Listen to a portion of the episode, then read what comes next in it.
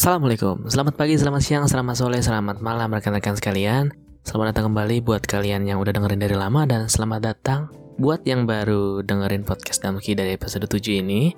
Sebelumnya gue mau ucapin terima kasih yang sebesar-besarnya buat rekan sekalian yang ikut berpartisipasi dalam semua kegiatan jajak pendapat di Instagram gue. Mulai dari polling, isi kolom pertanyaan. Nanti selanjutnya gue mau ngadain jawab pakai esai gitu kali ya Buat yang belum tahu, setiap satu episode muncul, gak lama setelah itu, gue bakal jajak pendapat buat episode berikutnya di instastory gue di Etanan Bagas. Kalau mau ikutan, cus pantengin. Di episode 7 kali ini gue akan mengupas tentang menstruasi, sebuah hal yang mungkin dari perempuan pertama tercipta pun sudah diberi sebuah kondisi khusus di mana mereka setiap bulannya mengeluarkan darah dari genitalnya atau orang kita biasa bilang darah kotor karena warnanya kadang-kadang hitam. Sebelum ke sana, gue mau bahas dulu pengertian tentang menstruasi itu sendiri. Nah, dilansir dari alodokter.com, menstruasi adalah proses keluarnya darah dari vagina yang terjadi diakibatkan siklus bulanan alami pada tubuh wanita. Siklus ini merupakan proses organ, organ reproduksi wanita untuk bersiap jika terjadi kehamilan. Persiapan ini ditandai dengan penebalan dinding rahim atau endometrium yang berisi pembuluh darah. Jika nggak ada kehamilan, endometrium atau dinding rahim itu akan mengalami peluruhan dan keluar bersama darah melalui vagina. Siklus menstruasi normal biasanya terjadi sekitar 4 minggu, namun ada beberapa kondisi khusus yang menyebabkan seorang wanita hanya mengalami menstruasi kurang lebih 4 kali dalam setahun. Normalnya, menstruasi terjadi sekitar 3-7 hari pada kebanyakan wanita. Meski demikian, nggak semua wanita mengalami siklus yang sama, bahkan di antara wanita yang usianya hampir sama. Siklus menstruasi kadang bisa datang lebih cepat atau lebih lama dengan perbedaan yang berkisar eh, uh, 21 hingga 35 hari.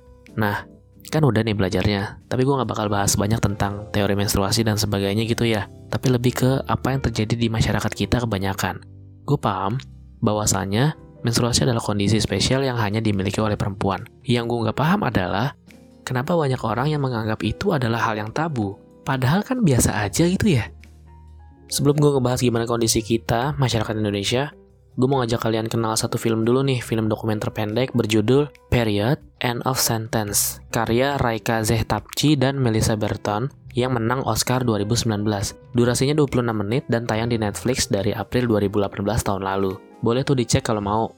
Dilansir dari kumparan nih, dokumenter pendek ini menceritakan bagaimana sekelompok perempuan di kawasan Hapur, India yang berusaha membuka tabu seputar menstruasi dengan membuat pembalut dan dijual pada perempuan di sekitar desa tersebut. Kita semua tahu, kalau di India budaya masyarakatnya kan kuat gitu ya. Nah menstruasi ini juga dianggap budaya yang tabu buat diomongin. Sampai-sampai, banyak dari mereka nggak tahu apa itu pembalut dan cara ngatasin darah menstruasi yang datangnya dadakan kayak tugas dosen. Lebih parahnya, beberapa dari mereka nggak tahu menstruasi itu apa dan prosesnya kayak gimana. Lebih parah-parahnya lagi, ada yang nganggap kalau menstruasi itu adalah suatu penyakit yang menimpa perempuan dan sesuatu yang buruk. Kami tidak berdoa kepada Tuhan kami saat menstruasi. Menurut tetua di lingkungan kami, Tuhan tidak akan mendengar doa perempuan yang sedang menstruasi, ungkap salah satu perempuan di dokumenter itu.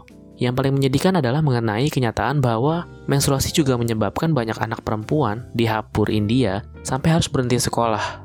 Setelah menstruasi, saya mencoba untuk tetap melanjutkan sekolah. Namun, semakin lama semakin sulit. Akhirnya saya memutuskan untuk putus sekolah cerita perempuan muda bertudung kuning yang tak disebutkan namanya di dokumenter itu. Sampai sini udah paham parahnya kalau mentabukan sebuah hal yang harusnya nggak tabu kan? Udah paham belum? Nah lanjut nih. Ada juga cerita lain yang nggak kalah sedih. Di dalam dokumenter tersebut, seorang perempuan lain bercerita bahwa ketika menstruasi, ia harus berjalan jauh dari rumahnya di malam hari hanya untuk mengganti kain penyumbat darah agar tidak terlihat oleh orang lain, terutama laki-laki. Tak sedikit dari mereka yang kemudian memilih untuk putus sekolah karena menstruasi sangatlah merepotkan untuk dijalani. Data lain di film dokumenter tersebut menyebutkan bahwa sekitar 88% perempuan di India menggunakan benda-benda seperti jerami dan pasir sebagai pembalut. Dan baru di 2011, menurut survei AC Nielsen, 12% perempuan di India baru mulai menggunakan pembalut saat menstruasi. Kawasan Hapur di India hanyalah contoh kecil dari banyak daerah di beberapa negara yang masih menganggap menstruasi tabu untuk diperbincangkan. Bagaimana dengan masyarakat kita? Menurut data UNICEF pada Mei 2017, setidaknya 17% anak perempuan di Indonesia mengaku pernah diejek oleh sesama murid, terutama laki-laki, saat mengalami menstruasi. Hal tersebut membuat anak perempuan memilih membolos sekolah untuk menghindari perlakuan tersebut. Tak hanya itu, UNICEF Indonesia juga menyampaikan bahwa 28% perempuan melewatkan sekolah dan bekerja karena periode menstruasi mereka. Gue coba membuktikan itu dengan jajak pendapat di story gue di @anabagas tentang menstruasi ini. Mari kita ulas satu persatu. Pertanyaan pertama, kalau kalian tiba-tiba menstruasi, dan misalnya sedang di muka umum atau lagi nongkrong bareng temen gitu ya, reaksi lo gimana kira-kira saat itu? Jawaban yang gue sediakan adalah satu panik dikit, dua biasa aja. Kenapa kayak gitu? Karena ketika opsi panik dikit ini gue ganti jadi malu, takaran orang malu beda-beda dan biasanya orang malu mengakui dia malu. Ngerti gak sih? Jadi gue ganti kata itu dengan kata yang eh, nyerempet-nyerempet lah. Nah dari pertanyaan tadi, gue menemukan bahwa dari sekitar 80 responden yang ikut polik, kondisinya hampir berimbang, tapi tetap sedikit lebih banyak yang agak panik itu. Lanjut pertanyaan kedua, Ketika kalian lagi datang bulan, terus mau minta pembalut ke UKS atau teman atau siapa pun itu, kalian ganti kata pembalut itu ke kata lain nggak seperti roti Jepang dan sebagainya. Dari sekitar 80 responden, 80% menjawab tidak. Langsung lanjut ke pertanyaan terakhir yaitu, alasan kenapa kata pembalut kalian nggak ganti atau kalian ganti. Dari kubu yang menjawab mengganti kata pembalut dengan kata lain, mengatakan bahwa itu aib. Seperti kata Ed Violeta FK, atau dengan alasan nggak enak didengar kayak yang dibilang Ed Fatarani. Dari kubu yang menjawab nggak ganti kata itu, ada Ed Airati Hapsari yang bilang nggak diganti ya karena biasa aja, semua juga tahu kalau pembalut itu buat apa dan lagi ada apa gitu. Atau sesimpel kata Ed Aulia underscore CHYN yang bilang ribet, lagian juga pembalut kan diciptain dengan nama itu. Atau mungkin kayak Ed Audea yang bilang nggak diganti karena bukan sesuatu yang dianggap memalukan. Lanjut ke pertanyaan terakhir, yaitu menurut kalian, Kenapa menstruasi itu kayak sebuah hal yang nggak boleh diomongin kenceng-kenceng atau terang-terangan? Jawabannya banyak banget yang bilang kalau ini tuh bikin malu atau aib kayak yang dibilang at Desiprau atau at Imadudin underscore R22. Ada juga yang bilang itu darah kotor, jadi nggak boleh dikasih lihat atau bahkan katanya dosa. Kayak pendapatnya at Safira AJDN underscore, at Violeta FK, dan at Zaina RS. Atau persamaan yang nggak apple to apple kayak pendapatnya at Nadia Humairanisa, yang bilang Lo mikir aja, kalau lo mimpi basah, emang lo cerita teriak-teriak semua orang. Gak ada malu kalau gitu. Atau at MF Fahri yang bilang karena menyangkut alat reproduksi wanita. Logikanya, kalau ngomong mens apa yang ada di pikiran?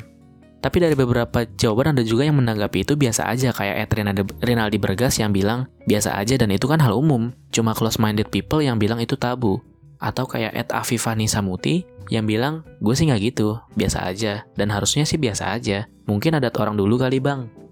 Udah banyak pendapat yang gue bacain, sekarang giliran gue mencoba memberikan pandangan terkait ini semua. Sebenarnya, apa sih yang menjadikan kata menstruasi dan pembalut itu tabu?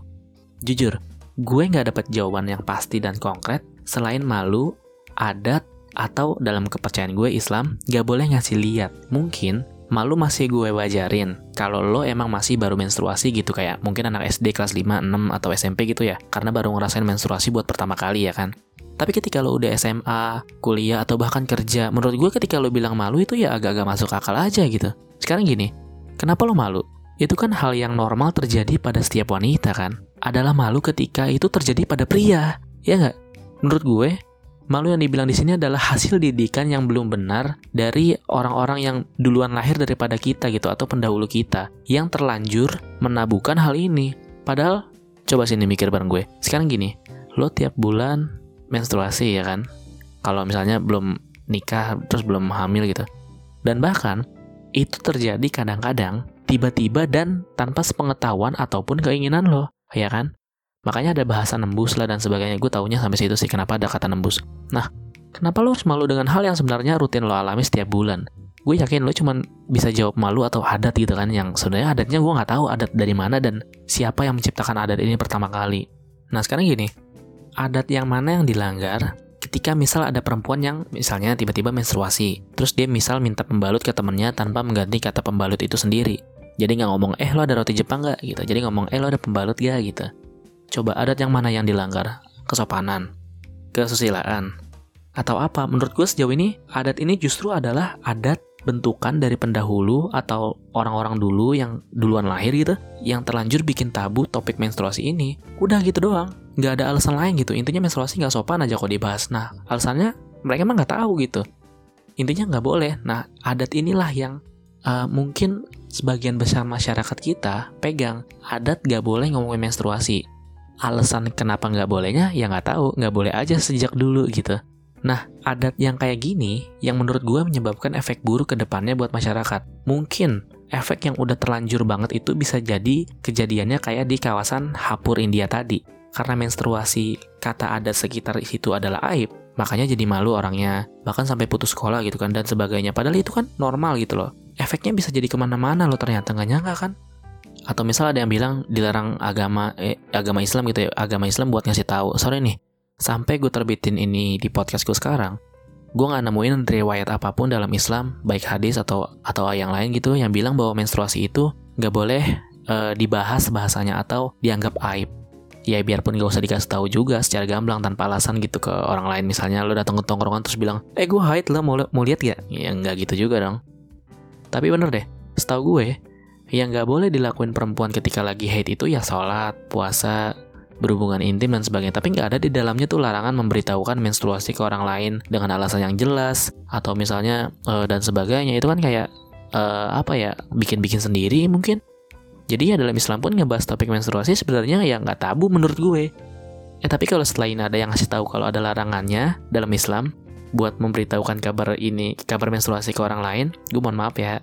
Mana tahu di masa depan ada yang nemu nih terus ngasih tahu gue gitu kan. Nih gue mohon maaf dari sekarang nih tapi selama itu belum kejadian dan selama itu belum ada dan belum apa ya, belum sohih anjay. Ya argumen gue masih berlaku lah gitu. Atau misal mau dibandingin antara cewek dan cowok kayak Ed Nadia Humaira Nisa tadi yang bilang lo mikir aja kalau lo mimpi basah emang lo cerita ke semua orang nggak malu nggak ada malu kalau gitu sekarang gue bahas gini menurut gue mimpi basah dan menstruasi adalah dua hal yang berbeda tapi perbedaannya emang agak samar nih kelihatannya Mimpi basah itu nggak rutin terjadi setiap bulan kayak menstruasi. Bisa jadi, cuman beberapa kali per kehidupan gitu ya misalnya. Kemudian, menurut gue, mimpi basah itu bisa dikategorikan aib karena ya mimpi basah itu kan di dalamnya lo mimpi mantap-mantap gitulah ya bahasanya. Sedangkan menstruasi itu terjadi sama perempuan yang gak hamil dan setiap bulan terjadi. Bahkan tanpa lo mikir apa-apa atau ada sebab akibat gitu kayak mimpi basah sekalipun. Ya jadi normal gitu menstruasi. Ketika orang lain cerita kalau dia semalam mimpi basah ya menurut gue jelas itu aib. Karena isi dari mimpi basah itu kan ya begituan paham dah ya. Tapi kalau head kan tiba-tiba gitu, lo bengong terus tiba-tiba head pun bisa. Lo lagi masak tiba-tiba head pun bisa kan? Lo lagi ngupas kuaci tiba-tiba head bisa. Jadi ya menstruasi itu normal, nggak kayak mimpi basah.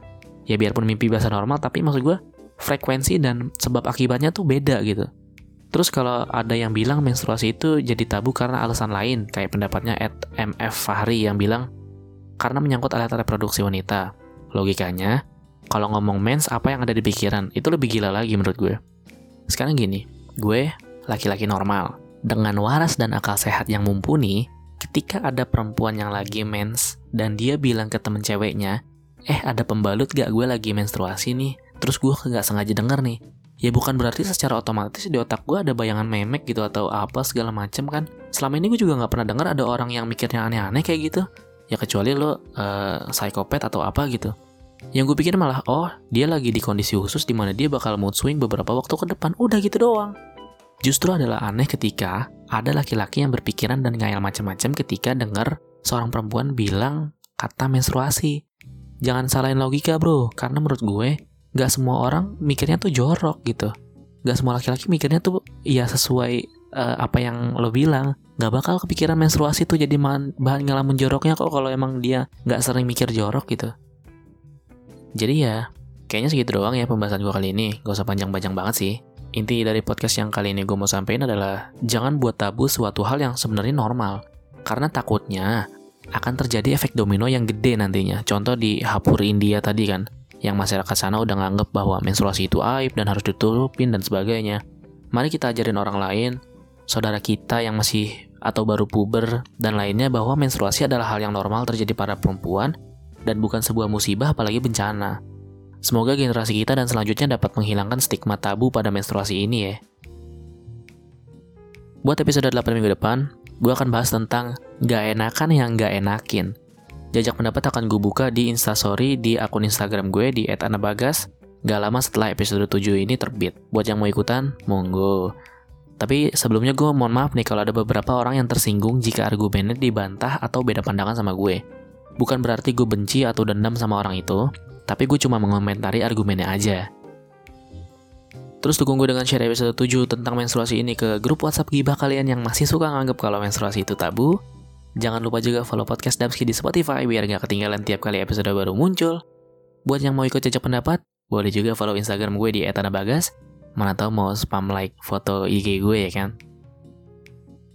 Sekian episode podcast Damski kali ini. Ada Bagas Kara pamit mengudara. Wabillahi taufiq wal hidayah. Wassalamualaikum warahmatullahi wabarakatuh.